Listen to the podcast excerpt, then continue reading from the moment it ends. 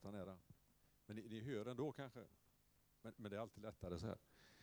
Eh, vi, vi, sa det för er som är här, det är församlingsmöte på söndag. Det lyste vi nog inte på riktigt så det framkom idag. Men det vet ni kanske ändå. Man kommer ändå, precis. Och på lördag är det ju faktiskt eh, ledardag i Jönköping. Vi är framme där nu, den 16. Och vi är, vad jag förstår så är vi i alla fall 20 anmälda ifrån församlingen här. Om ingen har anmält sig i egen regi som jag inte känner till. Men det fanns 20 namn med på den här gemensamma fakturareferensen. Och om jag förstår det rätt ytterligare så är vi då 17 stycken som åker buss. För ni åkte bil. Och sen Lennart bil. Så det är vi 17. Och då går bussen från parkeringen här 8.20. De åker 8 ifrån Mariestad. Så att är vi här 8.20 borde det kunna funka. Och vi får nog plats precis. Mariestad, Skövde, nej, Skövde, Mariestad, Stöpen och Lugnås har några stycken med också. Eh, det var väl det. Jag vill inte säga så mycket mer. Ni, har, ni som är här har koll på läget. Vi kan väl eh, be för George. Känner, det känns som det är lite manfall idag här, men det kanske har att göra med att det var en sån här firardag idag lite grann kanske. Jag vet inte. Men vi ser fram emot att lyssna vidare i Fesebrevet. Jag gör det i alla fall. Herre, vi tackar dig för den här dagen. Vi tackar dig för gemenskap och Andens band som får binda oss samman. Vi tackar dig för eh, dopförrättning och vi tackar dig än en gång för att du är med och kommer att leda Ester nu, Herre. Vi, vi lägger henne särskilt inför dig. Bara tackar dig, Fader, för att du ser till henne. Tackar dig för att du håller din hand över församlingen här, Herre. Och jag tackar dig för att vi ska få lyssna till ett utläggande om ditt ord idag, Herre Jesus. Jag tackar dig för att du bevarar George, du gör hans Herre, tankar skarpa och tydliga och du talar igenom honom, Herre. Jag tackar dig för vad han har fått uppenbarat för sig när han har förberett det här, Herre. Och vi tackar dig än en gång för att du, du håller din hand över församlingen, Herre. Och att när vi försöker komma närmare dig genom bön och genom ditt ord, Herre, så, så möter du oss med glädje i detta, Herre. Vi ber att du ska uppenbara och ge oss ljus över det vi ska läsa idag, Herre. Och vi ber att vi ska kunna leva i detta, Herre. Att det inte bara blir ord och att vi tycker det känns gott när vi är här, här utan att det får beröra vår hela livssituation i vardagen, här, att vi kan applicera och ta det till oss, Herre. Jag tackar dig för det, Fader. Håll din hand över George nu och låt ditt Ande bara få verka igenom honom ikväll. Amen. Amen. Varsågod, broder. Kanske jag ska ta ner den här så får man lite närmare till er. Sådär. Då eh, kan vi öppna till Efesierbrevet, eh, sjätte kapitlet. Så går vi vidare eh, från vers 5. Vers 5 till, vi kan läsa till vers 9, får vi se om vi kommer så pass långt ikväll. Ni slavar, lyd era jordiska herrar, visa dem respekt och vördnad av uppriktigt hjärta, så som ni lyder Kristus. Var inte ögonkännare som försöker ställa sig in hos människor, utan var Kristi slavar som helhjärtat gör Guds vilja. Känna villigt som ni gör när ni känner Herren och inte människor. Ni vet ju att var och en som gör något gott ska få sin lön av Herren, vare sig han är slav eller fri. Och ni herrar, handla på samma sätt mot era slavar och upphör med att hota. Ni vet att de har samma Herre i himlen som ni och han gör ingen skillnad på människor. Ehm, då har vi gått igenom nu väldigt många verser om relationer. Ehm, församlingen lite grann emellan och sen relationen mellan man och kvinna, eh, relationen mellan barn och föräldrar, relationen mellan föräldrar och barn. Och nu hamnar vi till sista delen av den här relationsdelen eh, då i Efesierbrevet som handlar om relationen mellan slavar kan man säga. Men det intressanta är att ordet slav i eh, svenska bibeln översätts lite, lite på olika sätt. Där ibland så står det slavar, ibland så står det tjänare. Ehm, så vi kan säga tjänare, anställda i dagens läge då eftersom vi har inte så mycket slavar längre dock, kanske tack och lov. Ehm, och ehm, det här slutar lite grann, eller avslutar hela den här relationsbiten och sen från och med nästa omgång då kommer man i, um, i den här lite mer omfattande delen av kampen mot den, den andliga världen och Guds vapenrustning då, som vi behöver vara utrustade med för att kunna klara det. Eh, men vers 5 säger, ni slavar lyd era jordiska herrar. Och eh, för det första, så i, under medeltiden eller under antikens tid kan man till och med säga, eh, vad, vad är en slav? En slav var en person som hade förlorat sin frihet helt enkelt.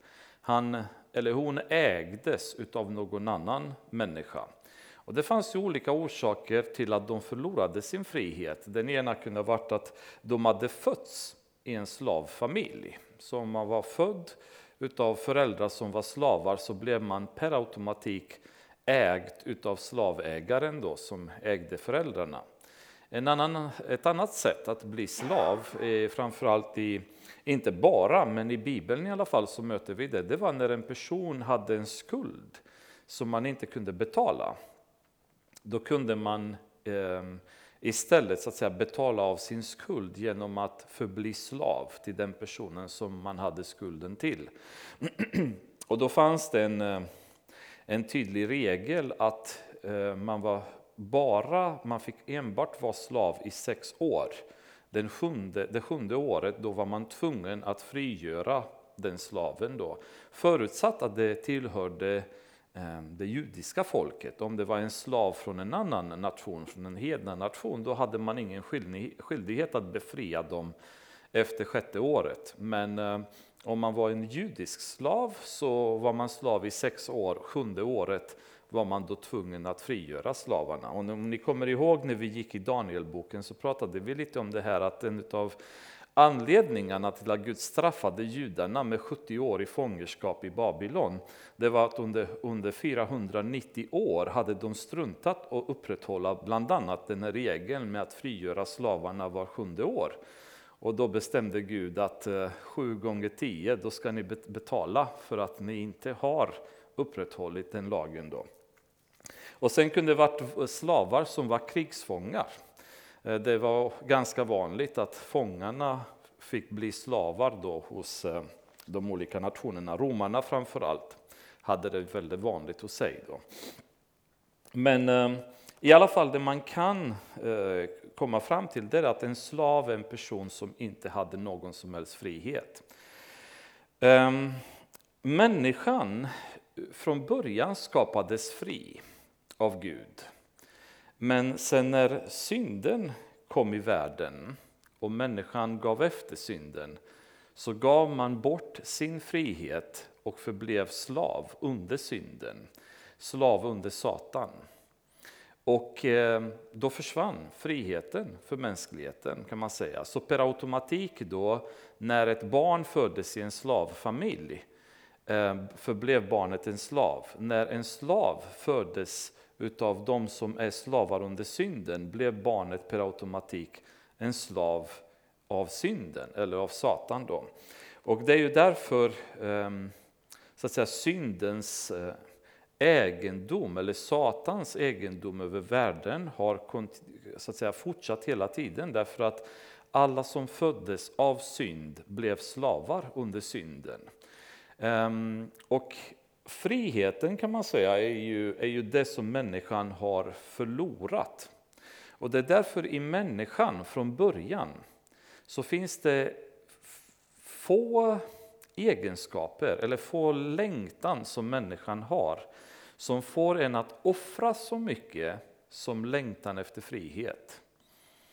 Eh, friheten är alltid det som människan har eftersträvat att få tillbaka efter syndens fall. Eh, folk är beredda att offra sina liv för att bli fria. Märkligt nog kan man tycka eftersom det blir inte att man blir fri då, men längtan till frihet är så enorm. Eh, fångar har grävt tunnlar i åratal för att ta sig ur ett fängelse. Ehm, folk som har levt under diktaturer, de har simmat över hav. Jag kommer ihåg de här tyskarna på Eh, kommunisttiden som surfade på en vind, vindsurfbräda hela vägen från Östtyskland till Danmark då, genom stormigt väder och allt möjligt. Alltså det finns inga gränser för vad folk är beredda att ta till för att uppnå frihet.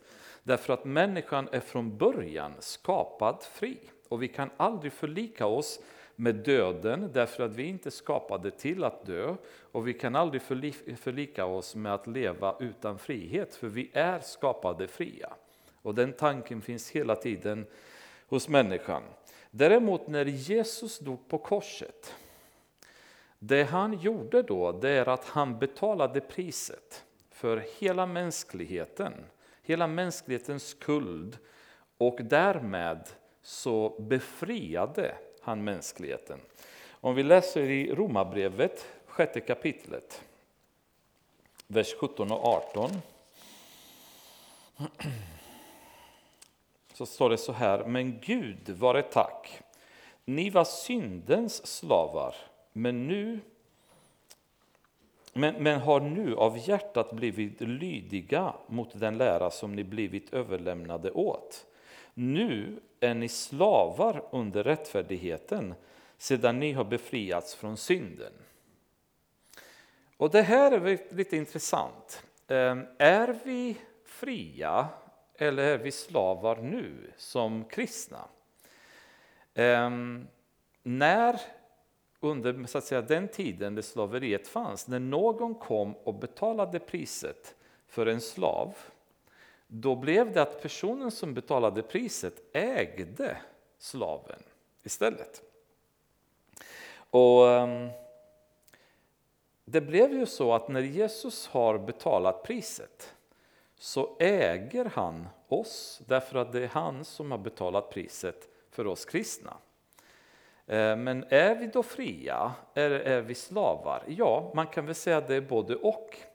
Och anledningen till det är därför att det fanns ju tillfällen i Gamla Testamentet när en slav kunde befrias eller eh, tiden var inne för att bli fri eller någon herre ville säga att du behöver inte vara min slav längre, jag befriar dig. Men slaven kunde själv säga jag vill inte bli fri. Jag vill fortsätta att känna dig därför att du är en väldigt schysst herre, du är en rättvis herre och jag vill fortsätta. Sådana exempel kan vi läsa i Andra Moseboken, eh, 21 kapitlet. Det finns ganska mycket skrivet om hur slavarna ska behandlas där. Men ehm, vi kan läsa några av dem. Men om slaven säger jag älskar min herre, vers 5 förresten börjar jag läsa ifrån. Men om slaven säger jag älskar min herre, min hustru och mina barn så mycket att jag inte vill bli fri då skall hans herre föra fram honom inför Gud, ställa honom vid dörren eller dörrposten och genomborra hans öra med en syl. Sedan ska han för alltid vara sin herres slav. Ehm, jag tycker om detaljerna här. Elise hon höll på att läsa igenom de här Moseböckerna. Hon, hon sa att det, börjar bli, det blir lite tungt ibland med alla dessa detaljer. Men här tyckte jag det var så häftigt, för man bara inte säger att ta en syl genom örat, utan förklara till och med var man ska ta slaven, vid dörren eller dörrposten, sätta öronloben där, dra en sil rakt igenom och då är det ett tecken på att den här är en slav för hela livet. Då. Ehm, och det finns alltid det intressant sen om man går och gräver på djupet varför alla dessa detaljer finns och varför de anges. För det är inte skrivet utan anledning.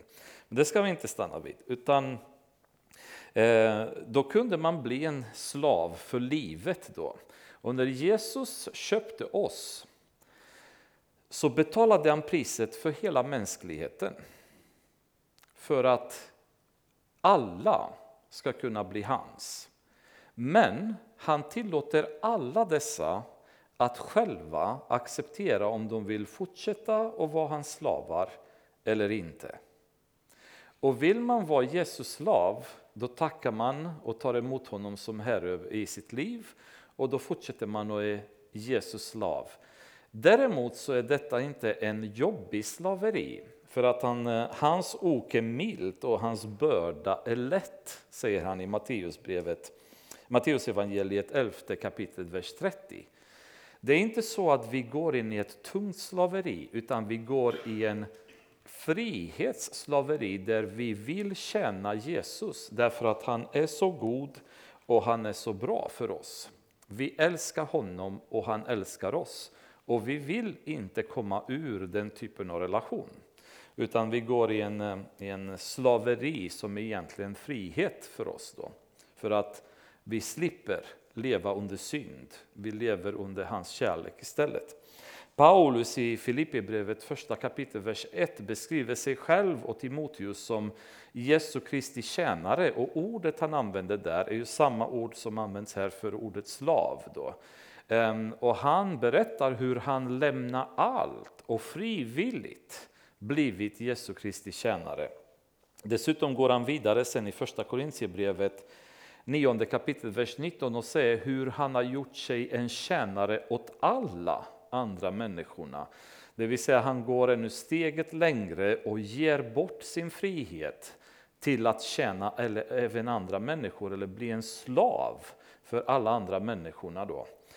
Och det är ju det konceptet av, av slav um, som vi måste ha klart för oss ehm, innan vi går vidare i den här för att förstå hur det var på den tiden fysiskt och hur den andliga bilden av slaveriet just nu är, då, om man ska kalla det så.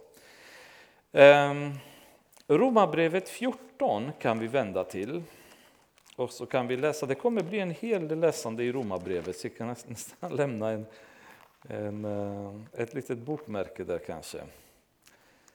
Eh, 14, vers 7 och 8 ska vi läsa.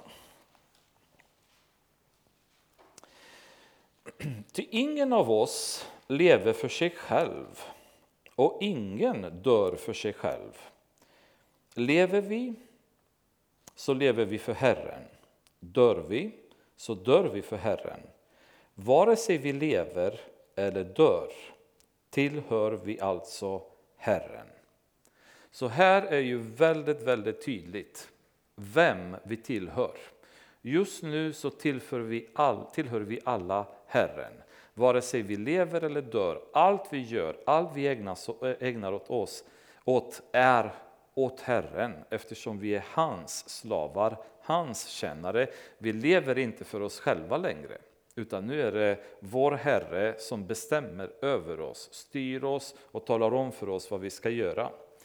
Ehm, det är utav den anledningen, så det var en liten lång väg för att komma dit vi vill. Det är av denna anledning då Paulus då går till Efesierbrevet och säger ni slavar, lyd era jordiska herrar. Eftersom ni är kristna nu och tillhör Herren så måste ni nu lyda era jordiska herrar. Mm -hmm, tänker man. Varför just det? Vad har det ena med det andra att göra? Romarbrevet 13 ger oss svaret. 13 kapitlet så börjar vi från vers 1. Varje människa ska underordna sig den överhet hon har över sig. Ty det finns ingen överhet som inte är av Gud, och den som finns är insatt av honom. Den som sätter sig emot överheten står därför emot vad Gud har bestämt, och de som gör så drar domen över sig själva. Till de styrande inger inte fruktan hos de som gör det goda, utan hos de som gör det onda. Vill du slippa att leva i fruktan för överheten, fortsätt då att göra det goda, så kommer du att få beröm av den. Överheten är Guds tjänare till ditt bästa. Men gör du det onda ska du frukta, ty överheten bär inte svärdet förgäves. Det är en Guds tjänare, en hämnare, som straffar den som gör det onda. Därför att måste man underordna sig den inte bara för straffets skull, utan också för samvetets skull. Det är också därför ni betalar skatt, ty de styrande är Guds tjänare, ständigt verksamma för just denna uppgift. Fullgör era skyldigheter mot alla. Skatt och den ni är skyldiga skatt, tull och den ni är skyldiga tull, vördnad åt den som bör få vördnad och heder och den som bör få heder. Vilken fantastisk beskrivning av Guds plan. Gud bestämmer att ha överheter i alla dess former. Och Det kan vara arbetsgivare, det kan vara regering, det kan vara tillfälliga eh, chefer, det kan vara eh, befäl i militären, det kan vara lärare i skolan och så vidare. Hela samhällsstrukturen över hela världen är byggt på det sättet. Gud har instaurerat myndigheterna för att hålla ordning på jorden. Och alla myndigheterna, alla överheterna är av honom. Har, han, han har tillåtit alla att vara med syfte att hålla ordning på jorden. Så det inte blir anarki, så det inte blir kaos, så det inte blir brottslighet, så det inte blir banditism över hela jorden. Utan överhetens funktion är att hålla ordning på jorden. På en arbetsplats är chefens funktion, ägarens funktion, att se till att arbetsplatsen fungerar så som det ska. Att eh, affärerna går bra, att personalen beter sig hövligt mot varandra och så vidare. Och Paulus säger att om vi gör gott så har vi ingen anledning att vara stressade eller rädda för överheten. Och jag är en sån som ständigt brukar ha problem när jag ser blå, blå ljus bakom mig utav den enkla anledningen att i de allra flesta fall så ligger jag över hastighetsgränsen när jag kör. Eh, för några år sedan så var jag i USA med en kompis och vi var ute i nationalparksområdena i norra Arizona, södra Utah. Och då kom vi på att vi skulle till en nationalpark som skulle stänga, jag tror det var klockan sju eller något sånt där på kvällen. Och vi var ute i öknen och det var sådana här spikraka väggar, alltså 20 kilometer, det var bara som ett streck. Och vi hade fått en Chevy Camaro som vi hade lånat som gillade, alltså trampade man bilen så det var jättehärligt att åka, riktig sportbil då. Och, um, vi stannade och tog lite bilder på sidan av vägen och sen såg vi en pickup som åkte förbi oss och så hoppade in i bilen och drar iväg. Och så roligt som det var, breda stora amerikanska vägar, spikraka, trampa bilen upp till 180 km i timmen och bara kör om den här pickupen så det viftar om det och bara fortsätter vidare. Och det dröjer inte många sekunder innan jag ser blåljuset bakom. Då, då var det en, eh, en eh, ja, Highway Sheriff pickup. Då. då stannar jag bilen, han, han kommer fram och tittar och hälsar på oss och säger han eh, Ja, vet ni varför jag har stoppat er? Ja, så jag, det vet jag. Det, det var för, kört för fort då. Um, ja, sa han, ni, uh, ni var uppe i 180 säger han bara. Ja, I miles an hour förstås pratade han då. Ja, det stämmer. Varför har ni så bråttom? Ja, sa, vi ville upp till den här nationalparken och tänkte komma dit innan det stänger. Då. Ja, går han fram och tillbaks, tittar på våra papper och sen kommer han tillbaks och frågar om vi hade några pengar eftersom det kommer bli böter eller fängelse. Och då, då börjar jag bli kallsvettig, tänker nej, inte fängelse, då kommer jag aldrig kunna komma till USA igen. Och, och, och frågade hur mycket cash har ni på Ja, började räkna pengarna i plånboken, ja, 300 dollar ungefär i, i kontanter. Ja, eh, han pratar med oss lite till, sen säger han bara ah, jag är på gott humör idag så jag, jag släpper er. Men eh, jag har några kompisar nerför vägen så bara håll hastigheten. Och, och därefter kan jag säga, när jag kör i USA i alla fall, så är jag jättenoga med att vara inom hastighetsgränsen. Bara tanken på att eh, hamna i ett amerikanskt fängelse har botat mig eh, när det gäller önskan att uppleva friheten genom öknen i höga hastigheter. Då. Men det är ju ändå så att när vi lever lagligt, eh, även i länder som är väldigt, väldigt eländiga regeringsmässigt, alltså med, med, med korrupta regeringar, med diktaturer och eh, ja, inkompetenta, vad som helst. Det är sällan ändå att de personer som verkligen sköter sig och lever lagligt behöver vara rädda. Eh, under kommunisttiden när jag bodde i Rumänien, min farmor hon kunde inte förstå varför folk klagade på kommunism. Därför att i hennes värld så var det inga problem. Hon levde en, ett icke-politiskt liv. Hon var inte intresserad vad som var vänster, höger eller upp och ner. Hon levde för vardagen, liksom handla grejer, sy kläder, sälja till bönder och, och så vidare. Och eh, för henne var inte landet ett problem. Hon kunde inte förstå varför folk var missnöjda. För att hon alltid levt laglydigt, hon har alltid skött sig, hon har inte varit intresserad av att, att engagera sig politiskt. Och ibland så kunde man vara fascinerad över de här människorna som kunde vara lyckliga i ett system där alla andra var så olyckliga. Men det berodde också på den inställningen de hade i sin tillvaro. Eh, min gammelfarfar han brukade säga ah, de är våra också. Och så med detta så var han inte stressad över någonting. Och det var väldigt spännande att se, medan andra försökte på alla möjliga sätt att motverka och kämpa och bekämpa ehm, systemet. Så vi måste leva laglydigt. Frågan är bara alltid. För vad händer när lagen, eller staten, eller arbetsgivaren eller skolan kräver oss att göra saker som går emot Guds vilja? Och tyvärr är det väldigt många kristna som anser att vi måste respektera lagen. Vi måste göra så som staten säger. Vi måste ta lagarna i vårt land och leva efter dem. Och där skulle jag dock säga att det bör, vi ska göra tvärtom. Vi ska inte respektera de lagarna. Om vi öppnar Apostlagärningarna femte kapitlet så har vi ett bibliskt exempel för detta. Eh, så att ni inte tror bara att det är jag som, som tycker så.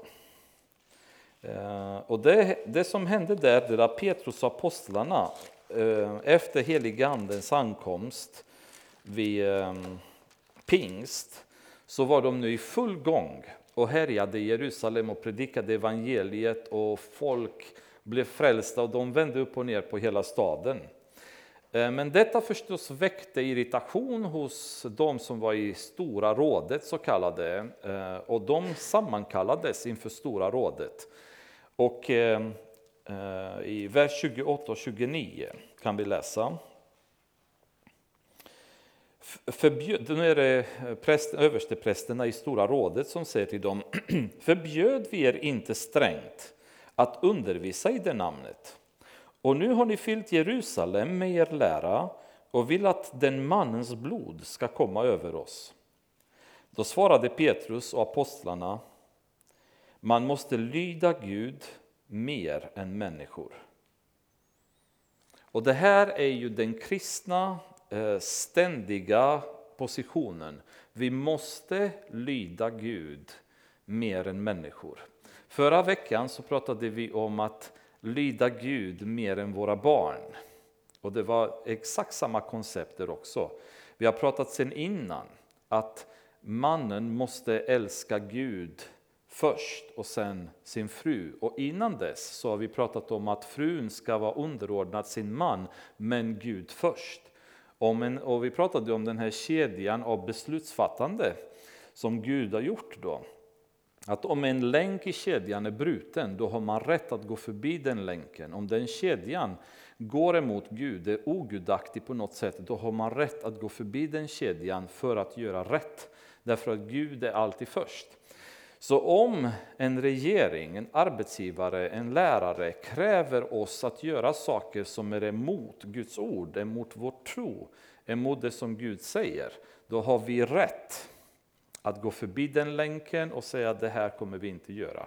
Och Petrus han var inte igång med att eh, starta någon oro där i Jerusalem. Men han sa tydligt att om ni kräver att vi ska sluta predika evangeliet, det är bara att glömma. Därför att vi lyder Gud. Och till slut så fick de bara släppa dem och de gick därifrån och fortsatte och predikade evangeliet och, och fortsatte med väckelsen i Jerusalem.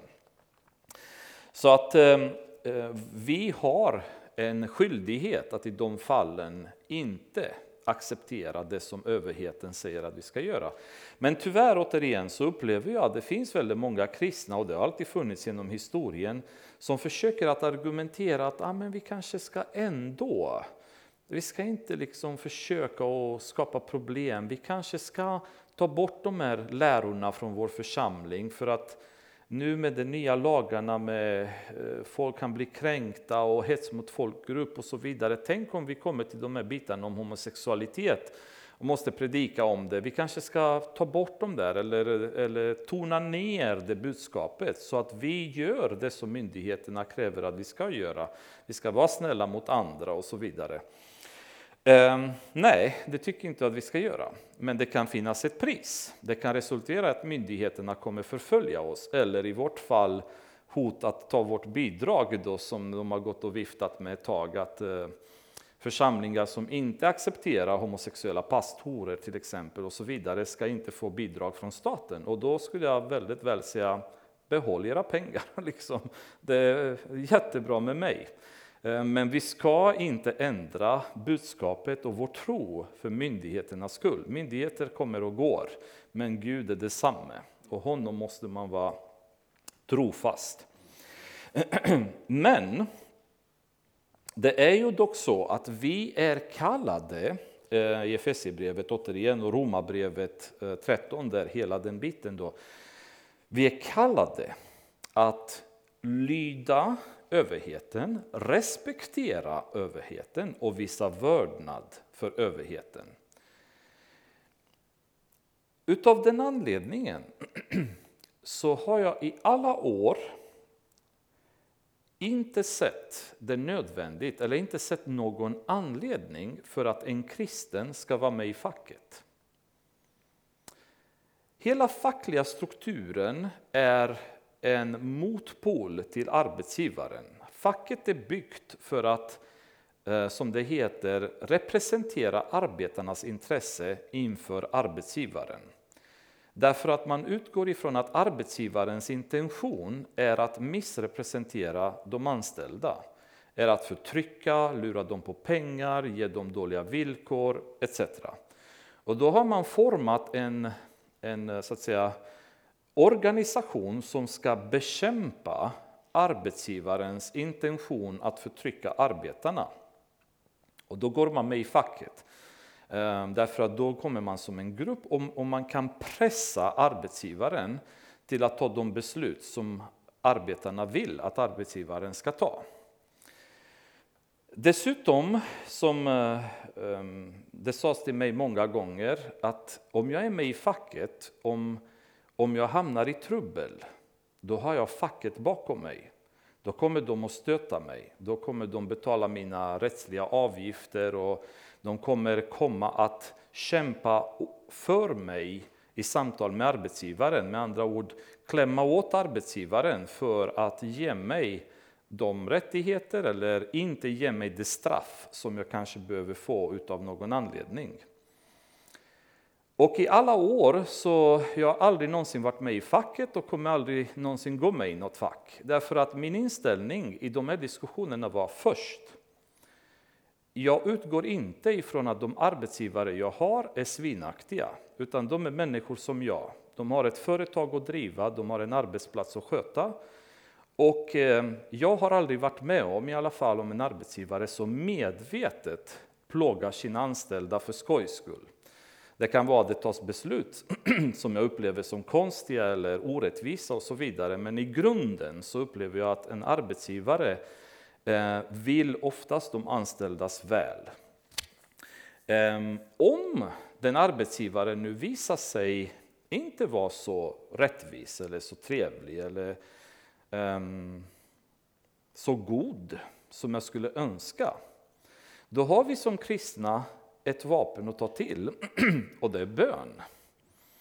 Jag kan gå till min advokat som enligt Romarbrevet 8 kapitlet är Jesus som dygnet runt medlar åt, åt, åt, åt mina vägnar inför Gud och försöker att hjälpa mig och försöker att skapa bra möjligheter för mig. Så då går jag till min advokat och presenterar problemet och, och säger Jesus hjälp mig i den här situationen. Jag upplever att det är tufft, det är jobbigt på jobbet, jag behandlas orättvist, jag förföljs kanske, jag får inte den lön som jag förtjänar och så vidare.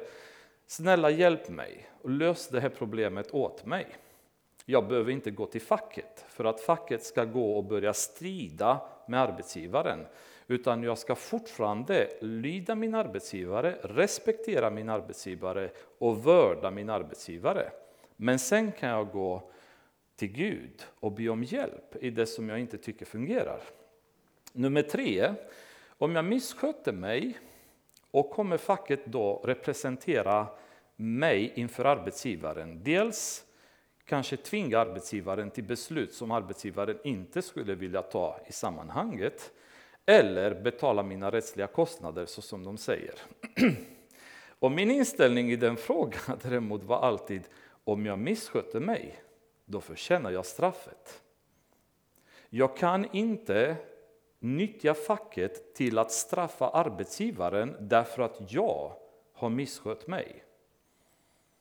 Ett bra exempel på detta som jag hade, det var en, eh, en god eh, bekant till mig som var tidningsbud då, eh, för många, många år sedan.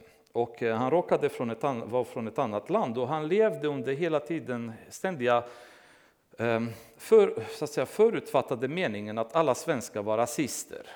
Och eh, han körde tidningar och hörde att ett eh, kontorsjobb hade blivit ledigt på tidningstjänst vilket han ansökte att få för att han hade ledsnat på att köra tidningar på natten. Då. Han fick inte jobbet. Och slutsatsen av det var att det måste vara för att de på tidningstjänst var rasister. Och eftersom de är rasister och de inte bryr sig om honom, då ska inte han bry sig om dem heller. Så varenda gång det var totalutdelning på tidningar så åkte han raka vägen till Coop och slängde alla tidningar i containrarna och gick därifrån en gång i månaden eller en gång varannan månad. Jag kommer inte ihåg hur ofta det var sådana totalutdelningar. Men efter ett tag så började folk klaga på att de hade hört från eh, olika att det skulle vara totalutdelning och de har inget fått och ringde och så vidare. Och tidningstjänsten frågade vad är det som händer? Han sa jag vet inte, de ljuger säkert, de vill ha kanske extra tidningar för att de har barnbarnen på sista sidan eller något sånt där. Men eftersom det upprepades ganska mycket så började de fatta misstankar att här är det något fuffens på G och satte de en vakt, eller ja, någon spion på natten för att se vad det var han gjorde. Och så såg de honom bara köra raka vägen till Coop, slänga tidningarna i container, åka hem och la sig och sov. Då. Nu kallades han in för, arbets, inför arbetsgivaren för att eh, ja, dra sig i örat på allvar helt enkelt. Eh, men då rycker facket in och anser att eh, han är ju orättvist behandlad då. Och tidningstjänsten säger att eh, vi, vi vill sparka honom. Ja, det får ni göra, säger facket, men, eh, men ni måste betala honom lön, då sex månaders lön i så fall. Och efter förhandlingar då facket klämde åt tidningstjänst ganska hårt, då var de tvungna att sparka honom men betala honom sex månaders lön. Vilket jag tyckte var märkligt, för det var han som borde ha betalat tidningstjänsten för alla tidningar han har, han har slängt. Då. Men det var, det var precis det man gjorde, så facket kommer in för att representera honom inför arbetsgivaren, det vill säga att missbehandla arbetsgivaren istället för att den som har gjort fel ska erkänna sin skuld. Och under den här tiden då så jobbade han dessutom svart och tjänade pengar på andra sätt och så vidare och gick fortfarande och var väldigt arg över hur, vilka rasister som, som finns på tidningstjänst. Då. Och jag vet inte om det fanns några rasister eller inte. Jag har kört tidningsbud själv i ett antal ja, månader eller kanske något år också. Aldrig haft något problem med rasism, men man vet ju inte.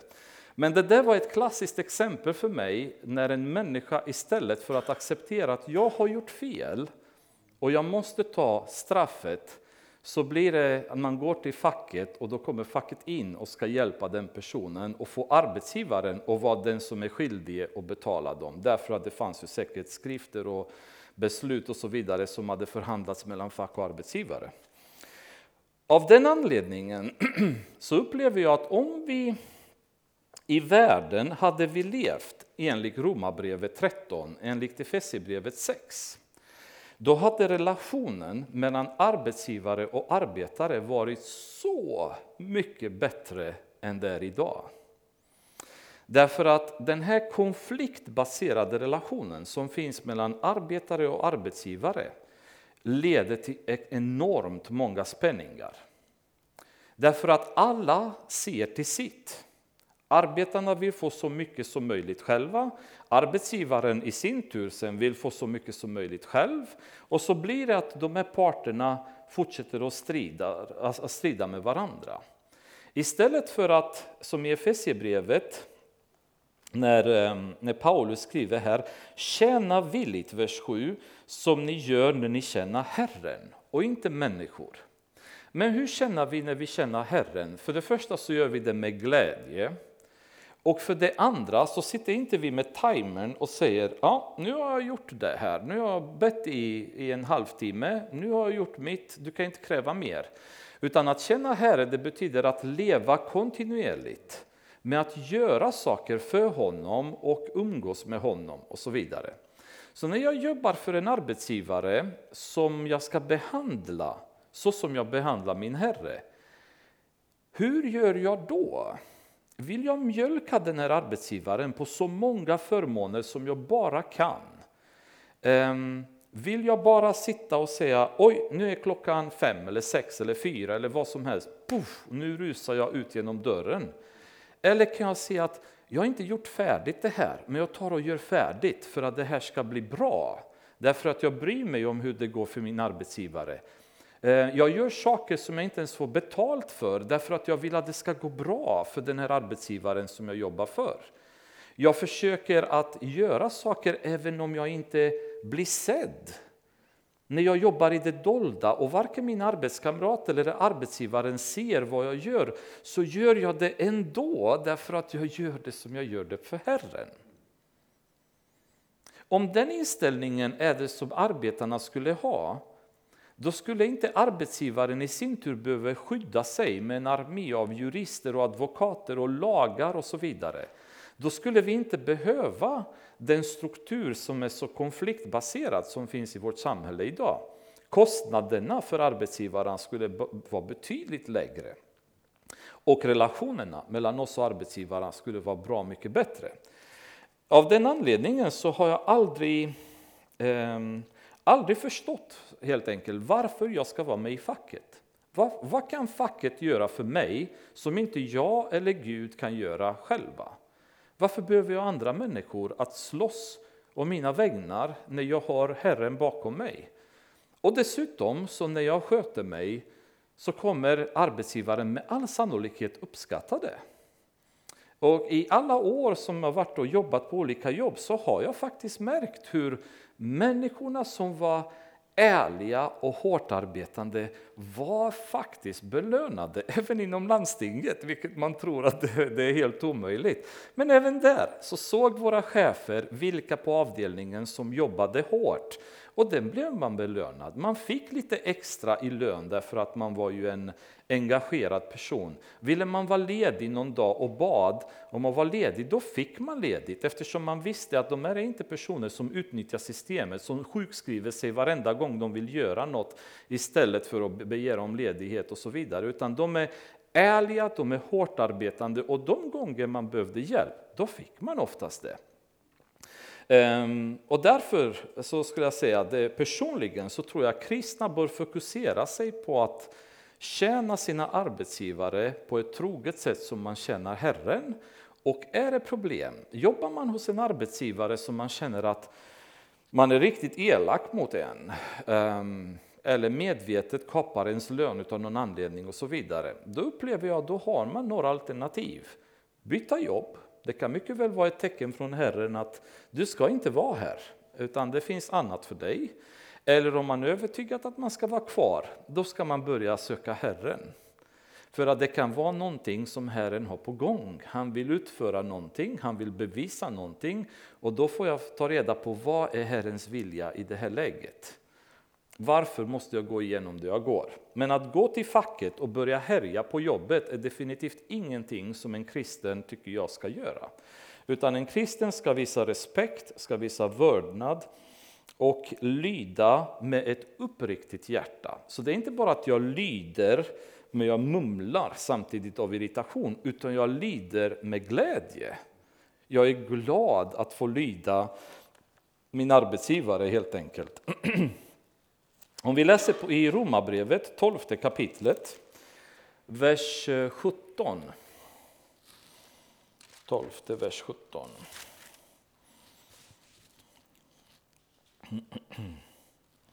Löna inte ont med ont. Sträva efter det som är gott inför alla människor. Håll fred med alla människor så långt det är möjligt och beror på er. Hämnas inte, mina älskade, utan lämna rum för vredesdomen, ty det står skrivet, min är hämnden, jag ska utkräva den, säger Herren. Som arbetsgivaren verkar vara elak, orättvist, oschysst, exploaterande, så säger Bibeln att jag får inte bete mig på samma sätt. Jag får inte göra ont mot ont. Då ska inte jag starta uppror på jobbet och försöka få ner den här chefen och försöka underminera den chefens makt som Romarbrevet 13 säger han har fått av Gud. Så jag kan inte gå därför att enligt Romarbrevet 13, återigen, det står ju så här Eh, den som sätter sig emot överheten står därför emot vad Gud har bestämt. Så när jag tar lagen i mina egna händer och börjar kämpa och försöker få ner en överhetsrepresentant, vilket det må vara, så går jag emot Gud. Och det är inte tillåtet, därför att då går jag emot den här beslutsfattande kedjan som Gud har lagt fram. Och jag måste lyda min arbetsgivare. Det är inte alltid lätt förstås, men Bibeln ger oss inget utrymme att göra något annat, utan vi måste göra det. Ehm, jag skulle också säga att det här sträcker ut sig även i församlingen, där vi också har en överhetsled, då där Gud pratar genom pastorn, äldste och sen församlingen. Tänk vad många församlingar som har splittrats, splittrats genom åren därför att medlemmar som har trott har rätt i någonting som de har sagt har börjat underminera eh, ledningen i församlingen istället för att lyda och ta hela ärendet inför Gud och be honom och lösa problemet på bästa sätt. Och följa den här kedjan med att om en broder gör något fel, då går du och talar med honom. Eh, om man inte skärper sig, då tar du ytterligare en broder och går och talar. Och om det inte går, då går man till de äldste eller till församlingen och börjar tala. Så det finns en, en, en kedja som man kan gå igenom även där för att undvika revolution och uppror i församlingar. Då. Men hämnas inte och vänd inte ont mot ont, utan eh, vi måste välsigna, vi måste vörda, vi måste respektera överheten i alla dess former. Då. Men det är ändå så att det är ganska så, så okej okay att bo i ett land mm, med en bra regering då, där folk får vara fria, får säga vad de vill, får göra lite hur de vill. Eh, det är välskött, eh, som min pappa brukade säga när det var val i Sverige att, eh, ja, hur är det liksom där? Är det, slåss folk på gatorna och bränner ner saker? Nej, så det är ganska lugnt. Ja, ja, det förstår jag, sa han. För, för er spelar ingen roll, för varken vänster eller höger, oavsett vilka som, som vinner, så har ni varmt vatten hemma. Men så är det inte här, brukar han säga. Så det, vi lever till exempel, om vi säger här i Sverige, ett land där vi kan tycka illa om saker som regeringen gör ibland, men vi lever i ett bra land, ett land där vi har mycket gott. Ehm, och då kanske det är lättare för oss att tycka om vår överhet, alltså våra politiker, kommunalfullmäktige, ehm, landstingsledamöter, riksdagsledamöter, regering, statsminister, kung. Vi kanske har väldigt lätt att göra det. Men vad hände om regeringen är korrupt? Vad händer om man lever i en hård diktatur med förföljelse, med hunger, med eh, banditer, med kriminalitet som exploderar överallt? Ehm, hur ska vi bete oss då som kristna? Och vi kan spekulera fram och tillbaka, Romarbrevet 13 egentligen lämnar inte utrymme för så mycket mer. Men det finns ändå detaljerat hur vi ska bete oss. Och det är ju eh, första Petrusbrevet, andra kapitlet. Och det är vers 13 och vidare. Då står det så här. Underordna er varje myndighet för Herrens skull. Det må gälla kejsaren som högste härskare eller landshövdingarna som är utsända av honom för att straffa dem som gör det onda och hedra dem som gör det goda. Till det är Guds vilja att ni genom att göra gott ska tysta munnen på oförståndiga och okunniga människor. Ni är fria, men använd inte friheten som täckmantel för att göra det onda utan för att känna Gud.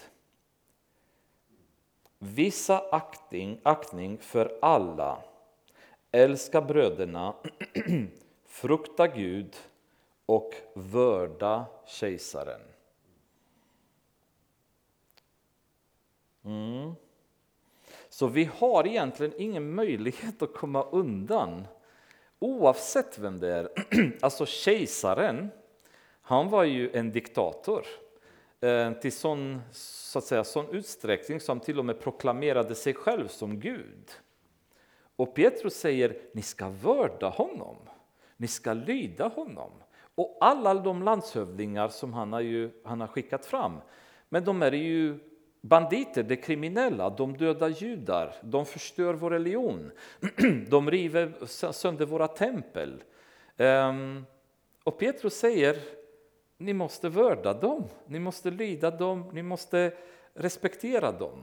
Exakt nästan en kopia av vad Paulus säger. Och det är ganska intressant att vi, vi får inget utrymme för att göra något annat. Så även om en diktator är ond så är vi kallade till att lyda dem så länge återigen de inte kräver oss att göra saker som är emot Guds vilja. Men vi måste lyda dem. Ehm. grejen är att anledningen till att Petrus tar fram det här, till att Paulus går på den linjen, det är att deras grund, deras princip bakom den här, det här budet eller den här lagen, det är att i allt vi gör så känner vi Gud och inte människor. Människorna det är bara en spegel av vår relation med Gud. Och det vi gör för honom gör vi sedan för andra människor. Ehm, och därför ska vi lyda dem, därför att vi lyder Gud redan. Och då bara fortsätter vi att ha det beteendet. För det är ändå så att Gud är den som tar fram överheten. Om ni tänker farao var ganska så elak, det är vi helt överens om. Det kanske många av oss har inte riktigt upplevt i modern tid så fruktansvärda diktatörer som farao var mot judarna och vad han gjorde och dödade alla små barn och så vidare. Då. Men lyssna i Romarbrevet 9 kapitlet, vers 17 på vad Bibeln har att säga om farao.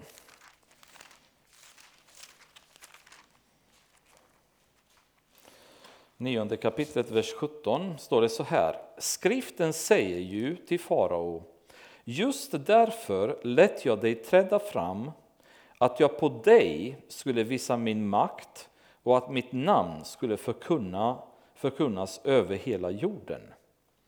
Så Gud låtit farao träda fram för att genom farao ska hans namn bli ärad, bli upphöjd, bli känd över hela jorden. Och det vet vi att, vi att det blev.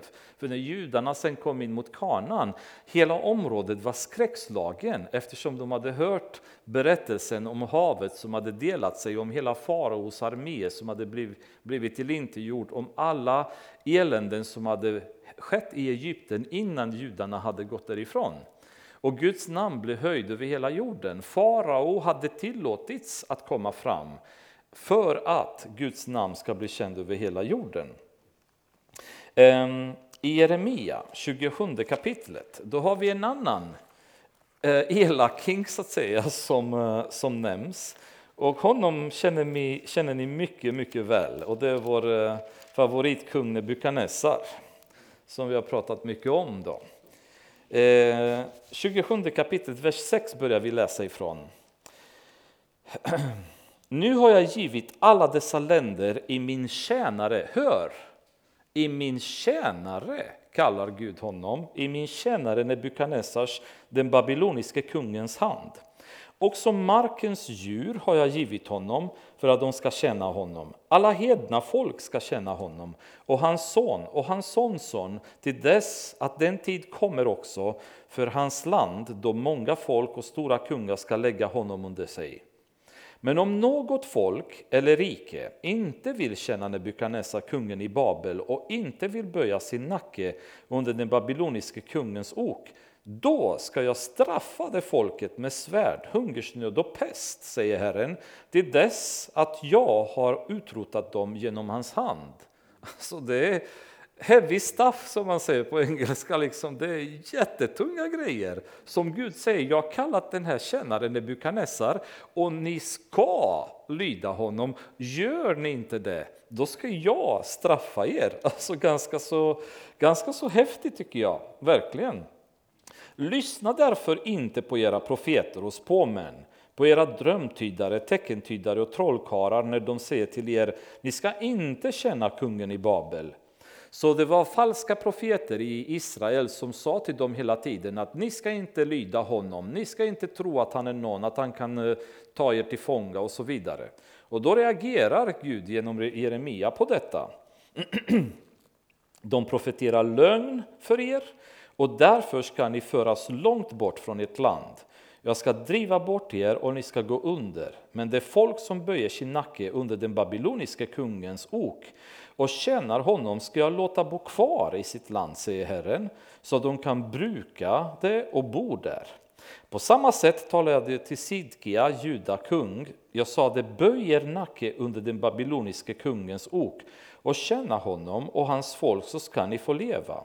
Varför vill du och ditt folk dö genom svärd, hunger och pest, så som Herren har sagt att det ska gå för det folk som inte vill känna kungen i Babel? En, en hednisk kung som när vi har läst om honom i Daniel, ni, ni kommer ihåg vad han höll på med.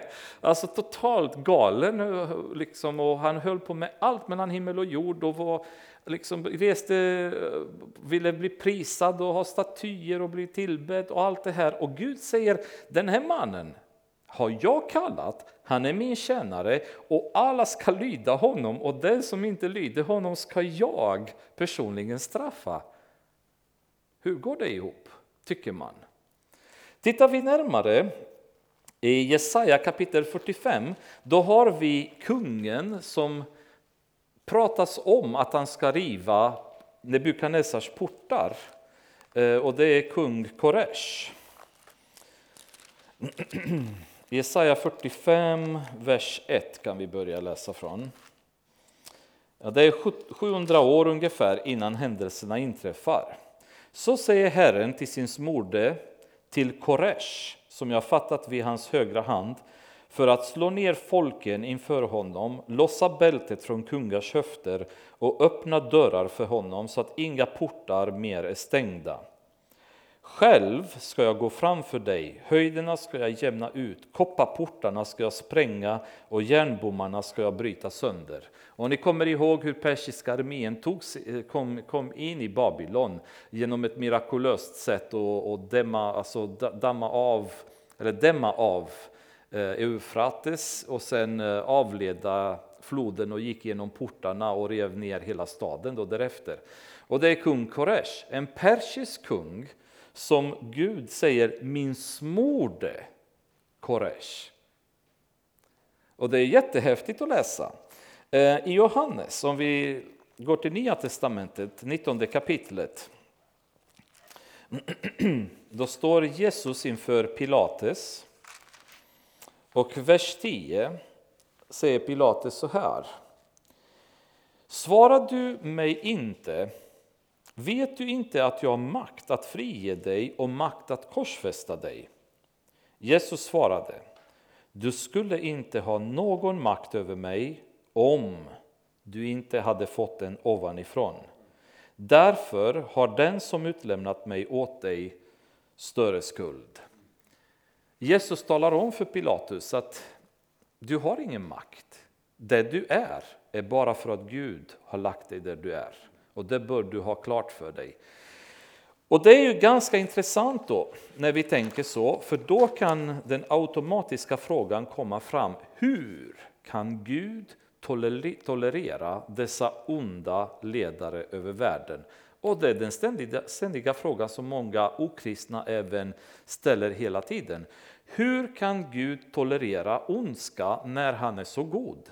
Hur kan en god Gud säga att Nebukadnessar, som var en galning som gillade att grilla folk och halshugga dem och bestraffa dem på alla sätt, var hans tjänare? Kung Koresh, som var också en diktator och malde ner arméer och massakrerade, var hans smorde. Hur är det möjligt ehm, att, att detta kan ske? Ehm, det finns ju flera olika anledningar till det. Den första är Gud tillåter onda ledare för att bestraffa synd hos folket. Om vi öppnar i Habakuk inte så jätteofta vi är i den boken. Men eh, vi ska ta oss lite tid med honom nu.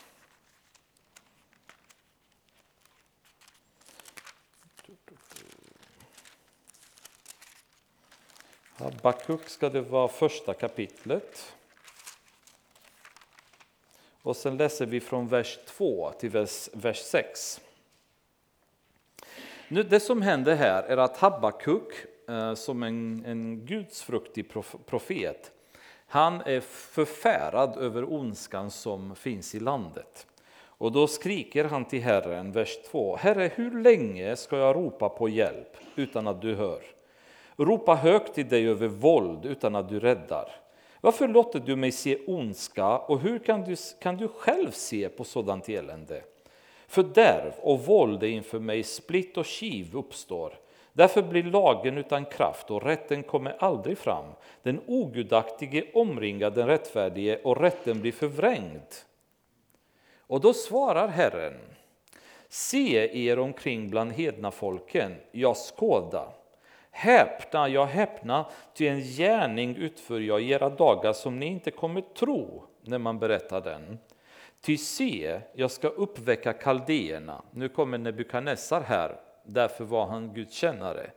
Det vilda och, det, och snabba folket som drar ut vida omkring på jorden för att ta i besittning boplatser som inte är deras. Och så fortsätter därefter och berätta hur Eh, kaldéerna helt enkelt kommer komma att bestraffa Israel för synden. Och detta uppkommer flera gånger i Bibeln då Gud genom profeter säger eh, jag kommer skicka dem och de kommer ta er fångna därför att ni lever i synd.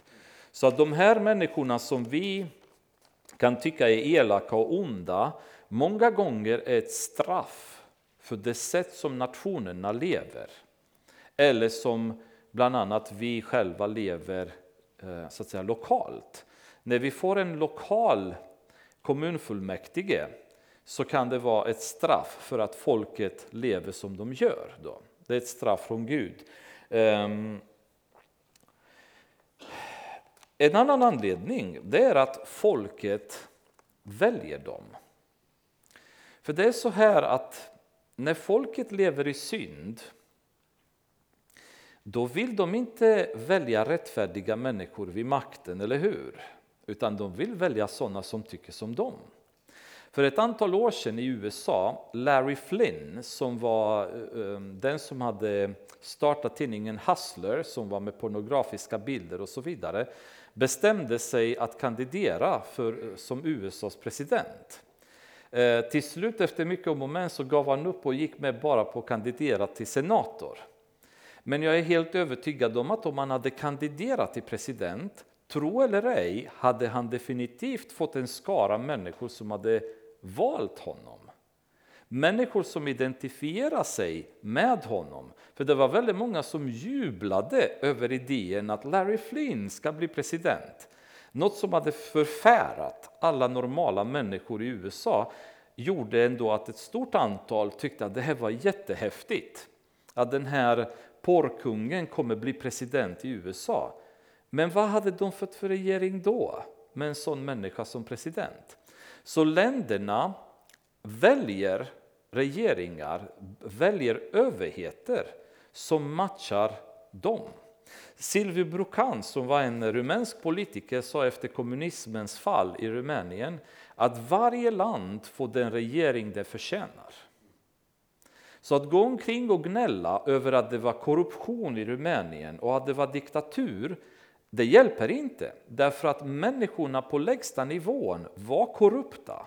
För att gå in på ett sjukhus och besöka min pappa var jag tvungen att muta vakten vid sjukhusentrén för att hon ska tillåta mig att gå in i sjukhuset. Så överallt det var ett system som var korrupt. Men vad fick vi för politiker? Det var exakt samma typer av politiker, korrupta politiker som bara tänkte på sig själva. Man tittar på sådana länder till exempel som Brasilien, sydamerikanska länder där korruptionen är enorm då i de länderna. De har aldrig en regering som fungerar vettigt i de länderna. Därför att de som kommer i regeringen är av folket.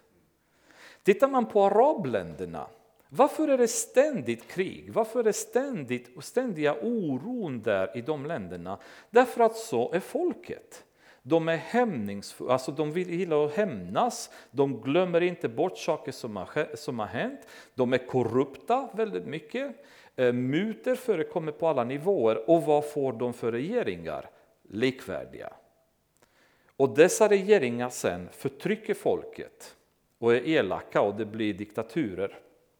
Och eh, när, när folket är ogudaktigt, då blir ledarna ogudaktiga, för de kommer av folket. När folket är korrupt, då blir ledarna korrupta. När folket är krigiskt, så blir ledarna krigiska också. Vissa länder vill alltid slåss, det är alltid oro, det är alltid krig på olika sätt. En tredje anledning är att de regeringarna är ett resultat av tidigare uppror som folk har gjort. Och det är ju det här som kommer vi till nästa del. Vi pratade om facket förut, att hur ska jag bete mig gentemot arbetsgivaren? Men hur ska vi bete oss gentemot överheten? Jo, vi ska inte göra uppror. Revolution och uppror är ingenting som Bibeln låter oss göra.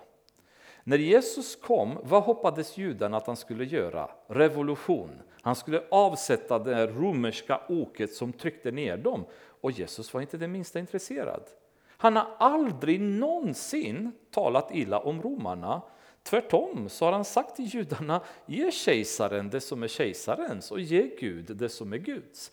Paulus har inte pratat illa om romarna någon gång eller försökt att starta en politisk rörelse. Petrus säger till oss, vi ska vörda kejsaren, trots att han inte är en av oss. Trots att han har tullar som är hårda, trots att han beskattar folket hårt. Ni ska inte bry er om er, för ni, ni ska inte starta en revolution. Vi kämpar inte mot fysiska krafter, vi kämpar mot andemakter.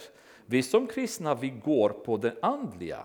För när världen följer Jesus, då har vi inga problem längre. Det är ingen idé att vi startar politiska rörelser och politiska konflikter. De leder ingen vart och kristna ska inte beblanda sig i det. Men i historien, om man tänker på att några av de absolut hemskaste diktatörer som har varit, eh, monster nästan historievis, som man pratar om, har kommit fram som resultat av revolutioner. Väldigt intressant. Om man tittar på hur Stalin och Lenin har kommit till makten. 1917 så började ryska revolutionen som slutade med vad? Folket reste sig mot, eh, mot kejsaren eller mot kungen och avrättade honom. Och då kom till makten Lenin och Stalin som gjorde vad? Förtryckte folket allt de bara kunde. Stalin beräknas att ha dödat ungefär 60 miljoner ryssar genom sitt sätt att, att, att agera under den tid han var president. Men de var folk som kom fram därför att folket gjorde uppror mot överheten. Och de har fått sig en gåva därefter som har varit ännu värre. Tittar man på Mao som Mao till stor del får Stalin att se ut som en liten söndagsskolepojke då jämfört med hur han behandlade kineserna. Han kom fram som resultat av bonderevolutionen i Kina som reste sig mot överheten för att de har fått nog, sa de förstås. Det fanns ju kanske giltiga anledningar, men man ska inte göra revolution. Och de har gjort revolution och de har fått Mao som har förstört i princip hela Kina och dödat miljontals och miljontals och miljontals kineser. Genom både förföljelse men också genom kassa politiska beslut och eh, jordbrukspolitik och så vidare som skapade svält i hela Kina. Då. Ehm, en annan stjärna, Kim Il-Sung, Nordkoreas eh, ständige president då, som nu är död sedan 1994 men han är fortsatt president i Nordkorea. Då. Han startade, alltså började sin karriär som gerillakämpe eh, mot japanska, ehm, eh, så att säga, japanska regeringen eller japanska överheten i Nordkorea på den tiden, eller i Korea, för det var inte delat ändå. Och började på det sättet och slutade i fortfarande ett av de hemskaste länderna på jorden som finns då, tycker man ju. Startade också, det hela startade genom en revolution. Han fick folket med sig och de tyckte att de kommer bli fria och glada och lyckliga och det blev totalt katastrof. Fidel Castro hade giltiga anledningar i Kuba att starta en revolution. Batista som var president var genomkorrupt. Så han startade med, med land, på landet med bönder och startade kämpa, pågick inbördeskrig, massa människor dog på kuppen. Han blev president och sen? Vad hände den? sen? Katastrof. Så man märker gång på gång på gång hur belöningen för de nationer som gör uppror och revolution, det är ju ännu värre än de hade det innan. Därför att i Guds värld, i Romarbrevet 13, det står den som reser sig mot överheten reser sig mot Gud. Och det är inte okej. Okay. Det tolererar inte Gud att man gör. Men eh, det bästa sättet att förändra en arbetsplats eller ett land, det är ju Daniel, har vi exemplet. Daniel tjänade under Nebukadnessar han tjänade vidare genom åren, så att säga. Sen kom Dariaves. Han tjänade under Dariaves och kung Koresh. Då. Han hade liksom, vi har sett, 70 år av att arbeta i Babylon. Under alla dessa år har han levt klanderfritt i sin relation med Gud. Men vi hittar honom aldrig resa sig mot kungen. Och tro mig, han hade haft massa anledningar att göra det. Men han gör aldrig det. Han tjänar Nebukadnessar troget. Han gör sitt jobb. Han hjälper till och han gör allt han bara kan för honom. Och till slut så ser vi det finns nästan en affektion mellan Daniel och Nebukadnessar. Där han, han lider när han behöver profetera för Nebukadnessar vad som kommer att hända honom. Ehm, och han älskade, tror jag, definitivt Nebukadnessar. Men tack vare hans liv, tack vare det sätt som han, han uppförde sig, det ledde till andra delen av kapitel 4, att Nebukadnessar kan man säga blir frälst, om man kan kalla det så, när han totalt överlämnar sitt liv till Gud efter att han upplever sin gal, galna period. Då. Därför att den här mannen har levt så, så stadig, stadigt exempel för honom. Och det är det vi är kallade att göra. Um, var inte ögonkännare som försöker ställa sig in hos människor, alltså fjäska för arbetsgivaren eller för andra människor, utan gör allting som ni gör för Kristus. Ni vet ju att var och en som gör något gott ska få sin lön av Herren, vare sig han är slav eller fri. Och sen kommer ni till det sista här, och ni herrar handlar på samma sätt mot era slavar och upphör med att hota. Så nu kommer det återigen det här, det här ska ni slavar göra, och ni herrar, det är det här ni ska göra själva. Ni ska eh, handla på samma sätt, det vill säga ni ska också respektera era tjänare, era anställda. Ni ska också vörda dem. Ni ska också underordna dem därför att ni är bröder. Nu pratar han med kristna eh, kristna slavar och kristna herrar, det vill säga att ni ska ju tjäna dem på samma sätt som Jesus har sagt att den som vill vara först måste vara sist. Den som vill vara ledare måste tjäna de andra. Paulus säger jag tjänar alla, första Korintierbrevet 19. Och det är på det sättet ni arbetsgivare eller ni herrar ska bete er gentemot era anställda. Vilket är ju lika viktigt så att säga för att behålla den balansen. Men det är på samma sätt här som i relationen mellan man och kvinna. Arbetsgivaren ska inte kräva den anställde att du ska respektera mig, utan man ska uppträda på ett sådant sätt som inger respekt. Och jag som, eh, som arbetstagare ska inte skälla på arbetsgivaren och du måste vara så och så och så om jag ska respektera dig. Nej, jag ska respektera dig. Och när vi möts på det sättet, då försvinner fackets eh, betydelse på arbetsplatsen, tror inte ni? När arbetsgivaren plötsligt beter sig schysst mot arbetaren och arbetaren vet inte hur han ska göra mer för arbetsgivaren för han älskar honom så mycket. Varför skulle vi behöva fack då i så fall på ett, en arbetsplats? Så då blir den här relationen möjlig där vi respekterar varandra. En sak som jag vill slänga i avslutning det är ju eh, hur beter oss vi oss genom kristna företagsägare? Um, Många gånger när en kristen äger ett företag så förväntar vi oss i församlingen att vi får rabatt, eller hur? När vi handlar där. För du är min broder eller du är min syster. Det finns den förväntan. Och, och det är ju jättevanligt att ja, vi går till den och den brodern för han har en fabrik där eller han har en verkstad där och det kan vi få lite rabatt för vi är med i kyrkan och så vidare. Men har ni någon gång tänkt på att göra tvärtom?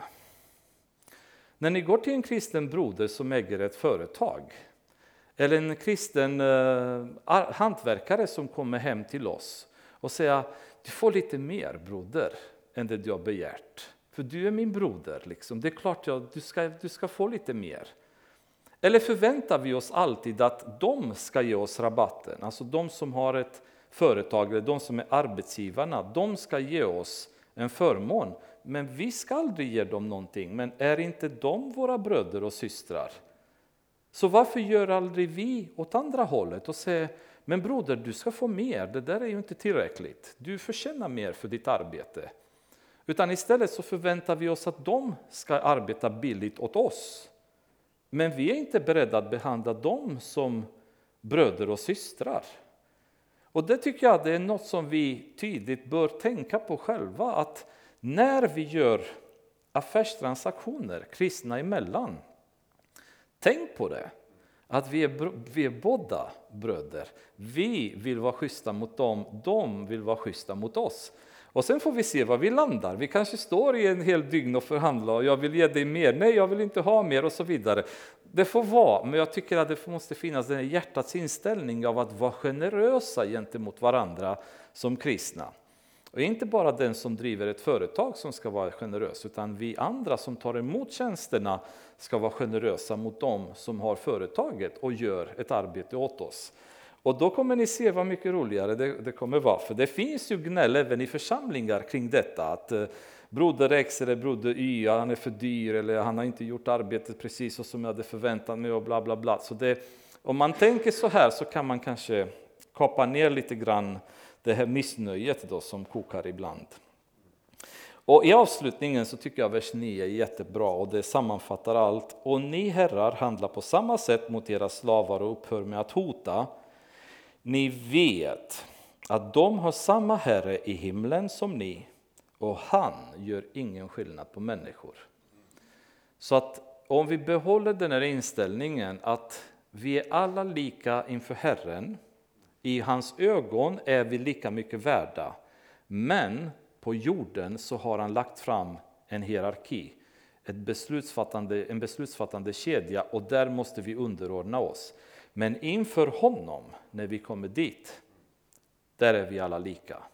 Där får vi alla på samma sätt bemötande från Herren.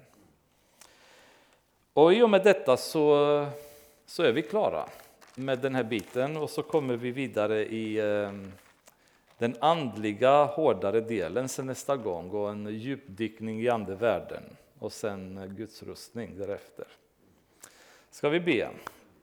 Herre, vi tackar dig för att vi har ditt ord som en guide i allt. Det är inte alltid att ditt ord säger det, det vi vill höra, Herre. Men alltid säger ditt ord det som är rätt för oss och det som är gott för oss. Jag ber att du ger oss styrka, du ger oss vishet att leva efter ditt ord. Att inte ge upp, att inte backa när det blir tungt, utan försöka Herre att följa dig i allt.